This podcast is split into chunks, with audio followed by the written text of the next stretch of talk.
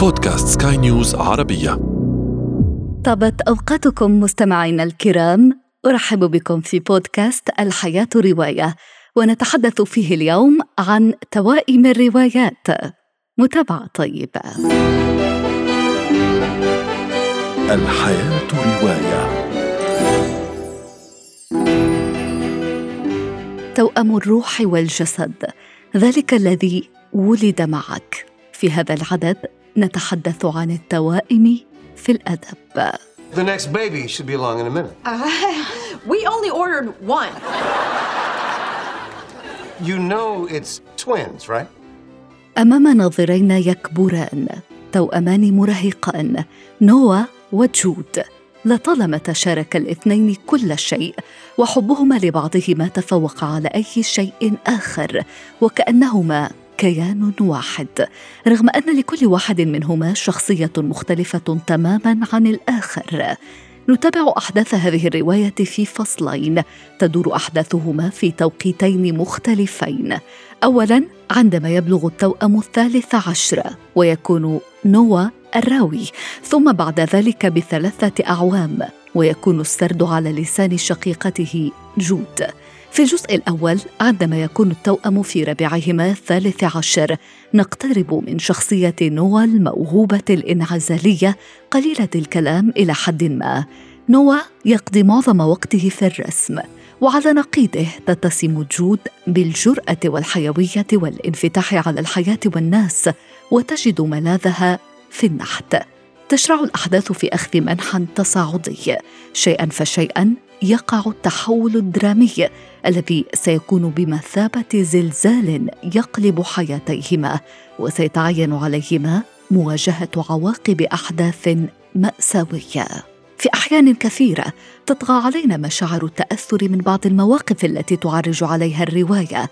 رواية I'll give you the sun للكاتبة الأمريكية جاندي نيلسون التي وضعت حبكة تتسم بقوة خاصة عاطفيا وعلائقيا وأيضا فكريا وفنيا.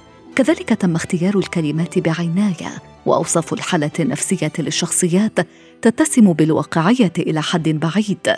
لم تتوانى المؤلفة في الكشف عن مجموعة من المشاعر والعواطف التي تخالج المراهقين وهم يواجهون مواقف صعبة مختلفة. كانفصال الوالدين والغيره والمنافسة بين الأخ والأخت والحداد بعد فقدان شخص قريب وأمور أخرى. نقرأ في الرواية كان لدى أفلاطون نظرية تفيد بوجود كائنات ذات أربعة أرجل وأربعة أذرع ورأسين. كائنات عاشت في الماضي السحيق وكانت مستقلة تماما سعيدة وقوية. قوتها. لم ترق زيوس الذي قرر في النهاية قطعها إلى نصفين وتشتيتها في جميع أنحاء العالم لدرجة أن البشر بات محكوما عليهم الآن بالبحث عن نصفهم الثاني إلى الأبد عن الشخص الذي شاركهم روحهم في وقت ما. فقط الأشخاص الأكثر حظا يعثرون على أنصافهم المقطوعة. جثة امرأة شابة يعثر عليها داخل شقتها في إحدى الضواحي الباريسية وقد فصل رأسها عن جسدها بأداة حادة. تسجيلات كاميرا المراقبة تظهر خطيبها أنطوان وهو يهم بالخروج من شقتها حاملا أداة الجريمة. فأس. جرى توقيفه على الفور لكنه ظل ينكر تورطه في جريمة القتل رغم الأدلة التي تدينه. أنطوان رمى بالمسؤولية على شقيقه التوأم. فرانك واتهمه باستغلال التشابه بينهما.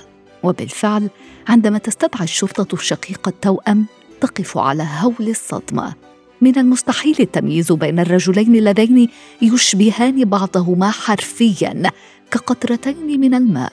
وهو بالمناسبة عنوان هذه الرواية Deux gouttes d'eau للكاتب الفرنسي جاك إكسبيغ. يتطلب الأمر حثا ماكيافيليا لكتابة هذه الرواية. ففي البداية بدا كل شيء بسيطا. يعثر على الجثة وصاحبتها معروفة وكاميرا المراقبة تكشف الجاني ويجرى اعتقاله. لا يتوقع القارئ ما ينتظره داخل دوامة إثارة نفسية من 300 صفحة. وهو يلهث مع المحققين لمعرفة الجاني الحقيقي. فرانك أم أنطوان أم الاثنان معا أم أن أحدهما ينتحل هوية الثاني؟ ننتقل بين مجريات التحقيق. وطفولة أنطوان وفرانك اللذان يتمتعان بميزة نادرة جدا. كما أن طفولتهما ومراهقتهما اتسمت بأحداث عنيفة على نحو خاص. نقرأ في الرواية يعيش فرانك وأنطوان علاقة حصرية تجعل التفكير في فصلهما أمرا مستحيلا لقد انصهرا في شخص واحد. حتى وإن استمرا في التحرر من بعضهما البعض يتصرفان وكأن تشابههما يتفوق دائما على اختلافهما. شبح المجاعة يخيم على المدينة الكبيرة التي تحتلها الجيوش الأجنبية. هذا الواقع يدفع أما لأخذ طفليها التوأم للعيش مع جدتهما في الريف. لكن الأخيرة جدة لئيمة بخيلة وقذرة تجعل حياة حفيديها جحيما. لكن التوأم لا يرضخان يتعلمان بدورهما قوانين الحياة والقسوة وبأسلوب طفولي ووحشي سيواظبان في كل يوم على تدوين ما يقع معهما في الدفتر الكبير. والدفتر الكبير هو عنوان هذه الرواية للكاتبة الهنغارية أغوتا كريستوف. في معظم فصول الرواية يشار إلى كلاوس ولوكاس باسم التوأم للتأكيد على أنهما كيان واحد لا ينفصل وهما فعلا كذلك. رواية عنيفة عن ويلات الحرب والرذيلة عن الاقتلاع والانفصال والهوية المفقودة. رواية حبلى بالدروس القاسية التي تقدم لنا بمسحة من الكوميديا السوداء. الحياة رواية. وفي ختام هذا العدد أشكر لكم وفاءكم وطيب إصغائكم مستمعينا الكرام.